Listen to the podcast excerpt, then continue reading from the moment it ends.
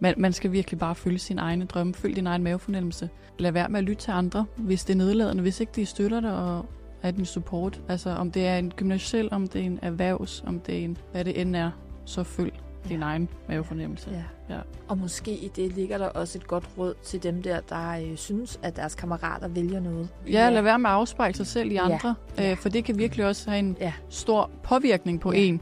At okay, så er jeg måske ikke god nok, fordi jeg ikke tager en Ja. gymnasiel Ja. uddannelse. Jeg tror, det er vigtigt at huske på, at det ikke er unormalt ikke at vide, hvad du skal nu. Man bliver nødt til at gøre nogle ting for at finde ud af, hvad man har lyst til og hvad man ikke har lyst til. Der er ikke noget mærkeligt i ikke at vide, hvad du skal nu. Det er okay at prøve lidt forskellige ting, og så kan det være, det kommer. Og måske også tage lidt udgangspunkt også i nogle interesser. Så hvad er det egentlig, jeg synes er fedt? Så det er nok bare den eneste, der begrænser dig af dig selv. Ja.